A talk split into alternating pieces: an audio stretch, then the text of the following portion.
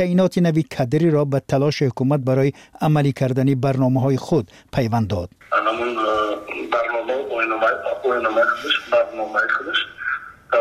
برنامه این متخصصانی که این مثلا در سر کار هستند البته همه از به خط مدرسه هستند حکومت اکثریت از به خط مدرسه هست این برنامه عملی میکنن برنامه عملی کردن برنامه یعنی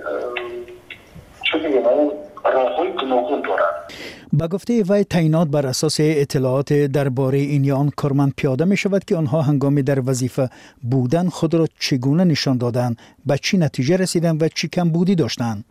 بختیار سفرف سردار شرکت سنترال آزیا کنسالتینگ به چنین بهاگذاری در مورد تعینات کدری حکومت تاجیکستان راضی نیست تعینات کدری که سالهای دراز در حکومت تاجیکستان مشاهده می کنیم بیشتر مانند نمایش‌های تئاتری هستند نه اصلاحات واقعی این بسیار نگران کننده است حسابات آخر شاخص یعنی ایندکس درک فساد نشان داد که تاجیکستان در جدول با سودان بروندی چاد میانمار قرار دارد این از چند عامل اساسی بخصوص از آسیب پذیری نظامی حقوقی و سودی سرچشمه می‌گیرد. شهر داد بختیار سفاروف او تاکید کرد که روندهای سیاسی سالهای اخیر در جمهوری به تلاش قبض کردن قدرت در یک دست مانند است. دلیل برکناری بیشتری منصبداران با سبب به کار دیگر گذاشتن گفته شد. خیلی از آنها تا هنوز وظیفه نو نگرفتند هیئت حکومت حاضره سال 2020 شکل گرفت. آن زمان مثل امروز سیاست کدری کشور به دلیل تعیین خویشاوندان و هم محلها در منصبها و بهتر دانستن صداقت بر ظرفیت هنگام انتخاب کادرها مورد تنقید قرار گرفت. در نتیجه همان کادرهای کهنه در داخل نظام ماندند که با وجود خطاها و تنقیدهای رهبریت در سمت‌های مشابه رهبری منصوب شدند. десернед алайҳи мақомоти баландпоя ба монанди раиси ҳозираи вилояти хатлон давлаталӣ саид ёвари раиси ҷумҳур дар умури кадрҳо асадулло раҳмон вазири саноат шералӣ кабир сафири тоҷикистон дар русия давлатшоҳ гулаҳмадзода ва чанд мансабдори тоҷикро ба дуздии илмӣ муттаҳам кард аммо ин ба фаъолияти онҳо дар идораи давлатӣ ҳеҷ таъсир накард. Муҳаммадҷон кабиров бунёдгузор ва сардабири пойгоҳи хабарии азда тв мегӯяд тасмими имомалӣ раҳмонро мантиқан шаҳр додан душвор аст وی گفت سودیه ها یا قاضی ها یا منصبدارایی که برکنار بشن از یک وظیفه به وظیفه دیگر انتقال داده میشن تعیین می‌شوند. و این خودش بیانگاری است که اگر این منصبدار در این وظیفه اگر خوب عمل نکرد پس چرا اونو در وظیفه دیگر تعیین می‌کنند سیاست کادری حکومت تاجیکستان اکثرا به این دلیل مورد انتقاد قرار می گیرد که اکثریت کادرهای رهبری از ناحیه دنغره زادگاه امام علی رحمان می باشند رئیس آژانسی خدمت دولتی تاجیکستان سال 2018 گفته بود که 38.7 درصد از خدمتچیان دولتی از ولایت ختلان 24 از یک از سوخت 17 از 3 درصد از ناحیه های مرکز 10 از 5 از دوشنبه و 8 از 9 از ولایت مختاری کوهستان بدخشان می باشند بر اساس آمار این نهاد سن میانه خدمتچیان دولتی تاجیکستان 37 است. سیاست شناس عزیز نورلویف می‌گوید حکومت تاجیکستان با هدف روحیه بخشیدن به تیم خود و نشان دادن نوع فعالیت به مردم دست به ایواز کردن جای منصبداران می‌زند. چون این تنها روندی است که مردم می توانند امکان مستقیم دیدنی آن را دارند. بر اساس آمار آژانسی خدمت دولتی تعداد خدمتچیان دولتی در سال 2023 به بیش از 18 هزار نفر رسیده است که 4556 نفر یعنی 24 از 7 درصد آنها را زنان تشکیل می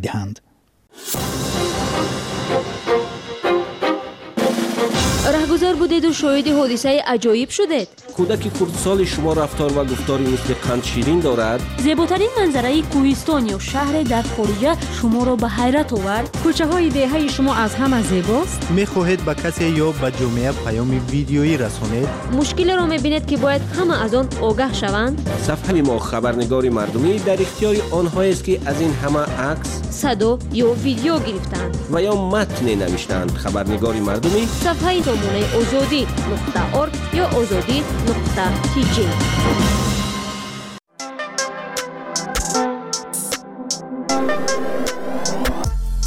танҳо садост ки мемонад. Ганҷи шойгон. Аз гузаштаҳо ногуфтаҳо ва ношунидаҳо дар подкасти салими аюбзод سلام علیکم مخلصان و جویندگان گنج شایگان. Мегӯянд норозиёни сиёсатҳои ҳукумати тоҷикистон дар кишвар аз ҳисоби бебарқӣ бекорӣ камии маош муҳоҷирати густарда фасоду ришват хишу таборбозӣ беадолатии додгоҳ ва гоҳе ҳам зулми ошкоро ва мушкилоти дигар то рафт бештар мешаванд.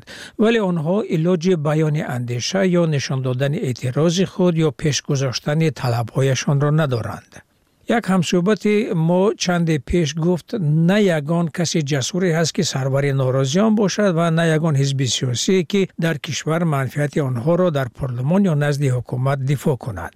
Вай гуфт кишвар дар қабзаи дасти як нафар аст ҳама чиро ӯ ҳал мекунад ва парлумоне ки бо хости ӯ шакл гирифтааст баёнгари иродаи аксарияти аҳолӣ нест ҳизбҳои сиёсии мавҷуда кисагиянд ва низ ба таҳони ин шахс нигоҳ мекунанд.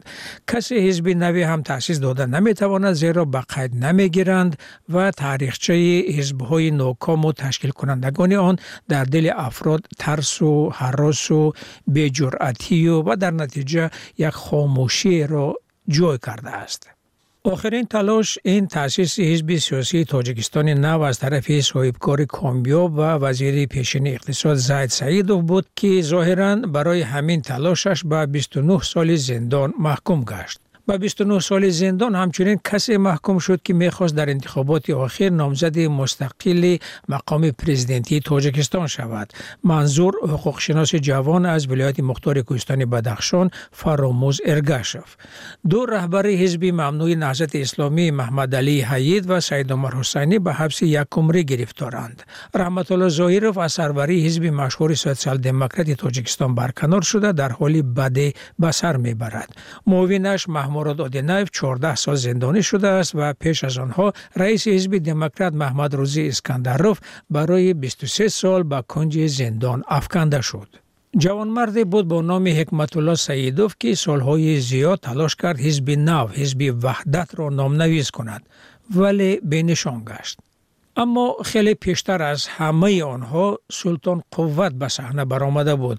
Раиси пешини кумитаи андоз ва мехост ҳизби тараққиёти тоҷикистонро таъсис дода барои курсии президенти кишвар мубориза барад.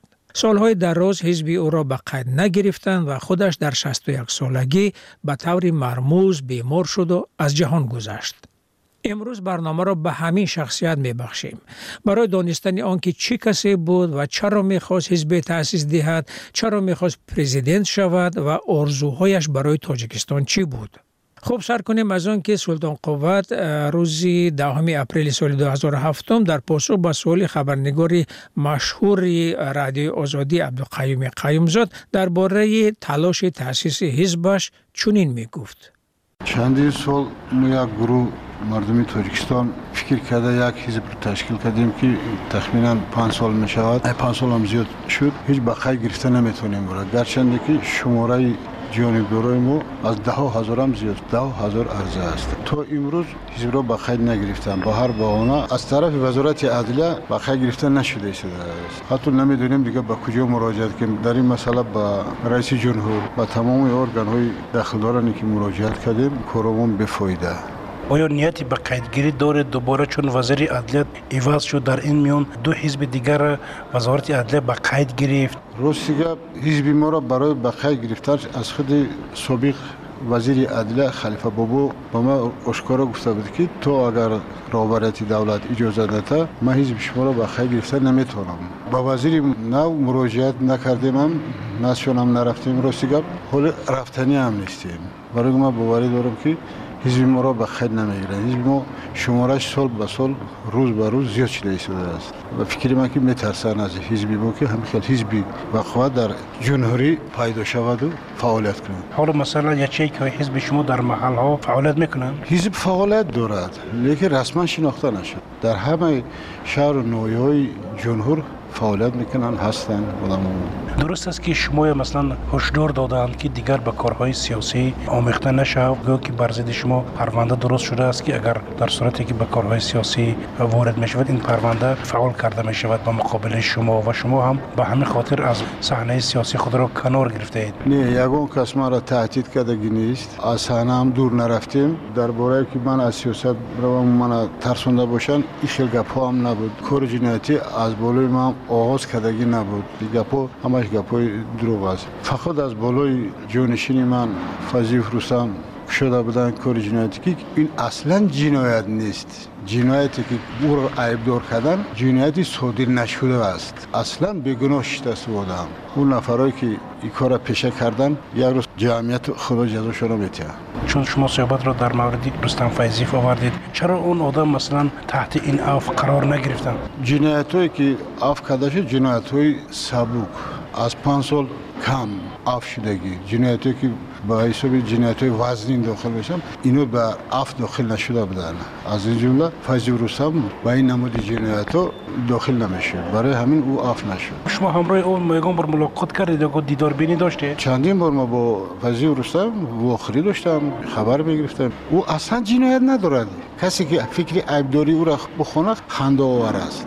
به مکتوب فرستادگی نیست به یگان جا نامه نفرستادگی نیست برای نامه فرستادن به اداره در کدام تاریخ دنیا شنیدی که آدم جوابگر کنن وقتی که روان کردی و باید بسنجن ببینن درست نبرای او حالت ده همچون توماچی را بتونن جوابگر کنن در اصل همین چیز نبود همون مکتوبا یگان جا فرستادگی نبودن مکتوبی که همون آدم تیار کرده بود است یگان جا روان کردگی نیست تخمینا سه ماه پس یا نقصه او را از کجای پیدا کردن و آوردن. که وای مکتوبه نویسه فایزی رستموف نبود. مکتوبه نویسندگی فایزی رستموف در دو صفحه بود. این مکتوبی که آوردن از سه صفحه عبارت است. اصلا مکتوبه او نیست. به هیچ گناه آدم بعضی از راهبرای مخالفین سابق طلب می‌کنند که در عرف ده سالگی امضای سازشنامه صلح رئیس جمهور تاجیکستان یک بار دیگر عفو رزمندگان را اعلام کند و همچنین پرونده های راهبرای مخالفین پیشین را در بایگانه های مقامات انتظامی تاجیکستان نابود کنند. شما چی نظر دارید؟ آیا واقعا همین پیشنهاد قابل دستگیری هست؟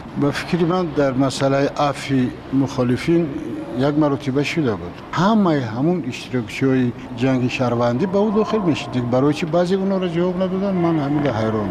باید همه عفو می‌شد. از دو طرف. در دوره حکومت مساهله ملی نرودنی فرون خسته بود. ایروی قانونی جوروی همون زمان می‌گیری اونا هم جنایت کرده بودن. میتیج بون لیکن که نرودنی فرون غلبه کرد امروز اینا حکومت قانونی شدن و ایناش جنایتکار.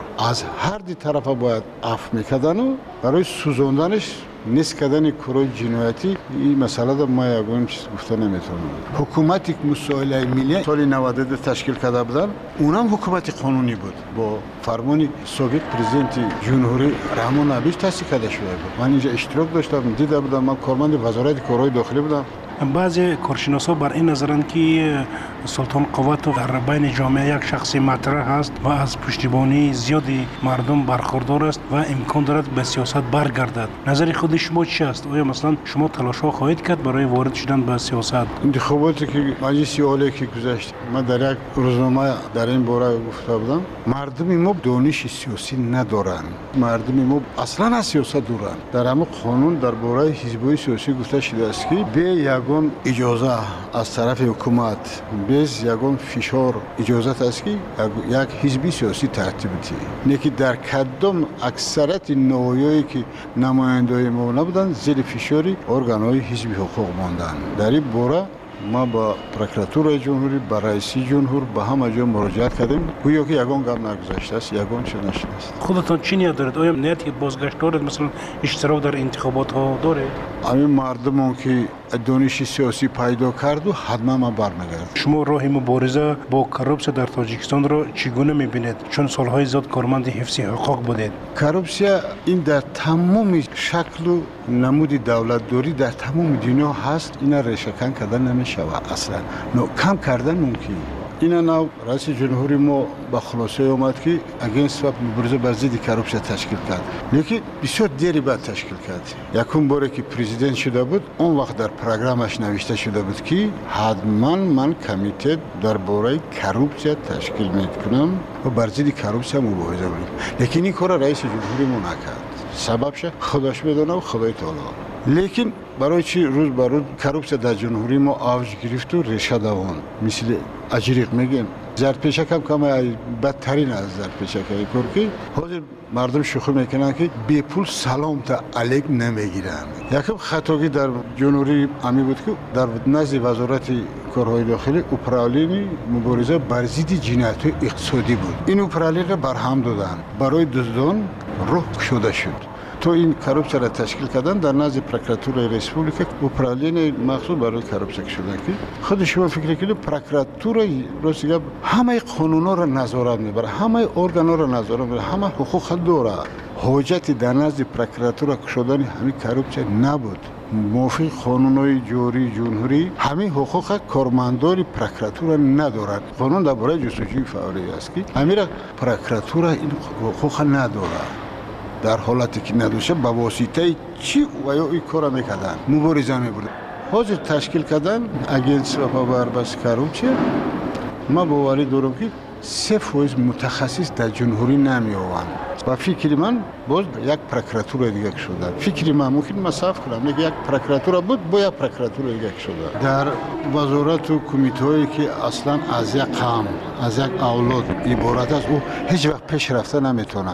در دولت های ترقی کرده دموکراتی در وزارت که روبرش پدرش پیسرش کار نمی‌کنه. دوره شوروی دم همین خیلی. در ما نمی‌دونم. همین دستور خشتبارگری باشه و قمچی باشه اولادچی باشه این دولتی ما پیش نمیره و ترقی نمی‌کنه برای چی نبیسه راه میگن که اینوستورهای خارجی به ما نمیاد این اساسش کروپچی است. اساسش کروپچی که همون سهمیه که خارج میاد آدمای ما از اونا یک چی امید دارن. یعنی ده فویز میگه با ما یکی پنج فویز با ما. برای همین هم یعنی یک مثال دیوم زمین در ما مالکیت دولتی است. اگر همین زمین مالکیت شخصی و دولتی میشه با خیلی خوب میشه مالکیت دولتی بشه و شخصی بشه در ما مالکیت دولت از زمین چی خیلی می‌خواه؟ همون خیلی استفاده می‌برد ما همون چی خیلی که میگن در زمین دولت کوارتیرانتی اینو درسته. اوضاع کردیم تمام دلگی ما استقلالیت استقلالیت سه سوتیخ یا که چهار سوتیخ یا که پنج سوتیخ زمین من می‌خرم. این من میشه بالی همون آزاد قدم می‌زنم. این است استقلالیت.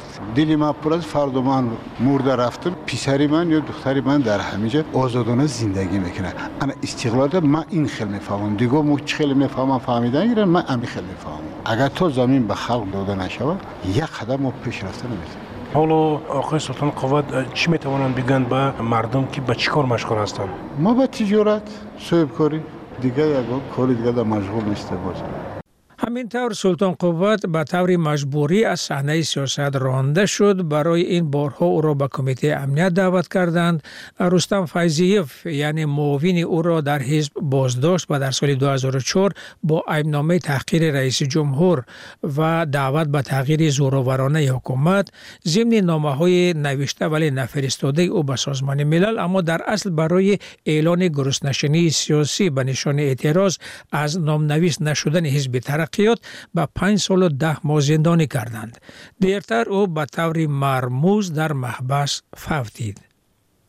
در این بین دفتر حزب را با بهانه خبر در آن جای داشتن اسلحه کفت و کاف کردند نامزدی خود سلطان قوت را به قید نگرفتند و همه این بالاخره او را مجبور نمود از سیاست دست کشد و به تجارت رو آرد حالا بشنویم در صحبت با همکار دیگر متاهری سفر که سلطان قوت چی کسی بود چی را دوست می داشت و چی را بد می دید و گویم که این صحبت در سال 2004 در برنامه شیر و شکر رادیو آزادی صدا داده است و یک نو ادامه مصاحبه پیشینه نیز هست و اما بیشتر سیموی انسانی سلطان قوت را نمودار می کند.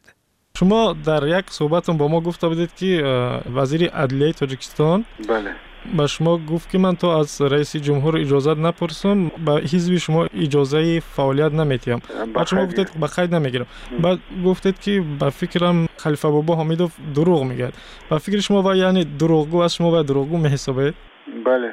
وای گپی اونم این مسئله در ما تصدیق می‌کنیم که برای که چهار مراتب با واسطه مکتوب با واسطه روزنامه مالیگورو با واسطه گازت مراجعه کردیم. از روبری دولت یگان خبرم گویا که خودش به کاری گونگی داخته شده است.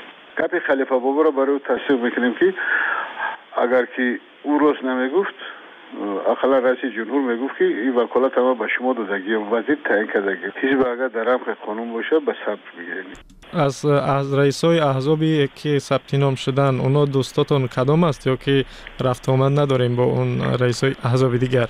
یگانه حزبی همون سوسیال دموکرات ها خطی بعضم بعضم با می‌خریم دیگرش خطی نه شما چهار فرزند دارید و با فکرم پسر کلونیتون دانشگاه ختم کردگی سال چی کار می‌کند؟ فاکولته اقتصادی تمام کرده فرزندش نگاه بین کرده شده سه تا بچه خشرو داره همونا را نگاه بین کرده گشته یعنی که فرزندی کلونتون مثل بسیار جوانای تاجیکستان بیکار است نه؟ بله. عموما همه اولادی ما بیکاره از یک اوله ما زیاده از 13 نفر در جمهوری روسیه مردیکاری رفته کار کرده روزگار نیستند. از خواهرام از برادرام و دودرام سر کرده تا جیانم از یک ولی ما سیزده نفر در غریبی در جستجوی یک لغمان هنند به نظر شما برای اصلاح همین وضع چیکار باید کنیم در جنوبی دزدی را کم کردن در کور قانونهای بین المللی درست کردن در کور زمین به خلق به دهقان برگردانده دادن در کور.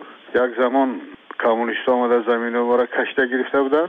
بعد اونو حاکمیت حاضره حزبی خلق دموکراسی با روبری امالی را زمین های خلق. از دست کمونیست با ویا گرفتن و در زمین دولت موقتا کوارتیرا نشستن. یعنی شما میگید که در حکومت امروزه بسیاری دزدن که میگه دزدی کم کردن بله بله. دلیل دارید؟ به دلیل ما گفتن نمی‌تونم. مرحمت با معاشی که سی چل دلار کارمند حکومت یا که گوسوید پرزیدنت 300 400 میلیون دلار خانه می‌شد مگر این دزدی نیست؟ خب از سیاست مدارا امروزه به کی بیشتر اعتماد داره؟ با پارتی سوسیال دموکرات. از زایده از منصبدارای دولتی چی؟ کسی اگر آیا دوز نمی‌شدن آدمای تازه می‌شدن به در این دولت برای 40 سومو 40 دلار در حکومت شده کار نمی‌کردن. با 40 50 دلار روز مگر میگذره؟ اگر آدم تازه باشی بس می‌کنی کار در دولت کار نمی‌کنه. وقت های خالی شما با چی کار مشغول میشید گفت اصلا وقت خالی هم کنه دارم. اگر یکم دقیقه وقت خالی بیام با دوستا هم صحبت می‌کنیم و با یکم وقت نرد بازی می‌کنیم در بازی نرد بیشتر می‌برید یا که مغلوب هم می‌کنه؟ بسیار وقت هم می‌بریم. بعضی وقت بویا میتیم همه وقت می‌بریم نرد یک نوعی ورزشی عصب است. از ورزش بدن کدام نوعهای ورزش دوست میدارید؟ خودم که رئیس فدراسیون بوکس جنوبی می باشم.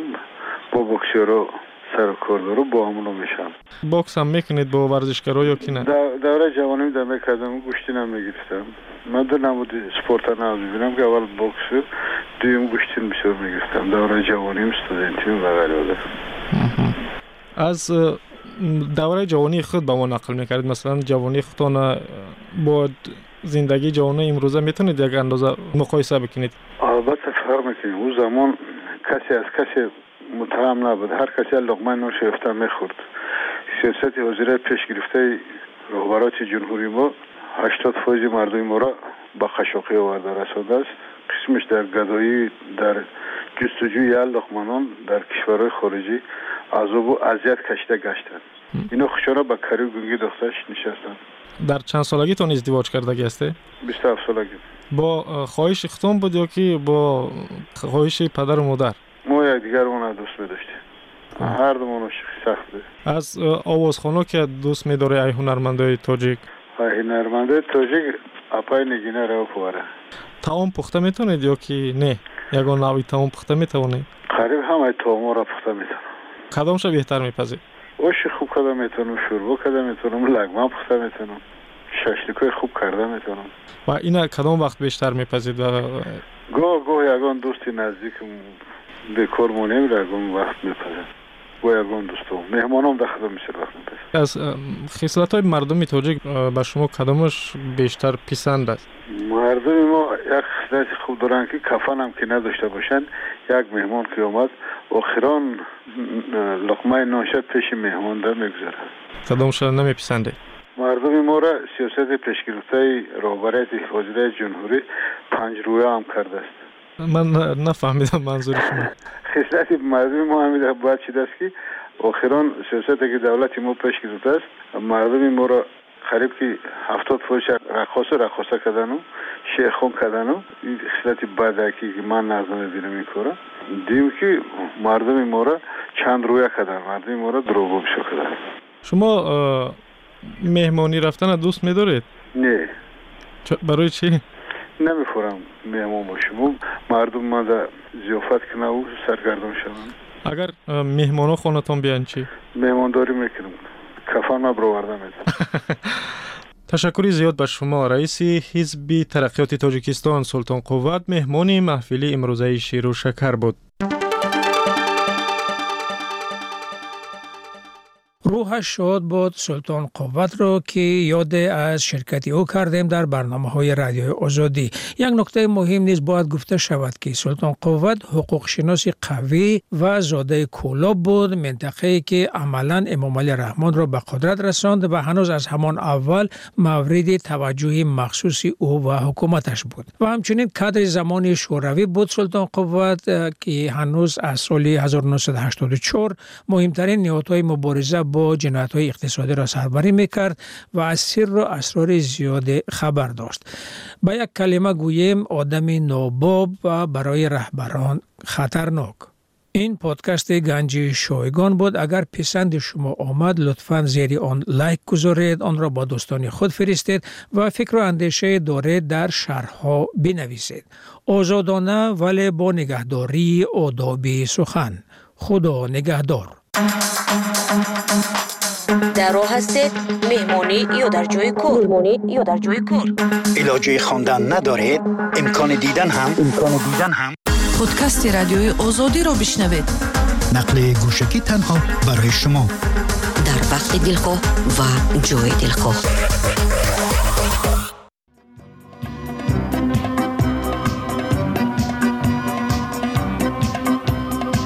چهره زیبای تو رشک بوتان آزری.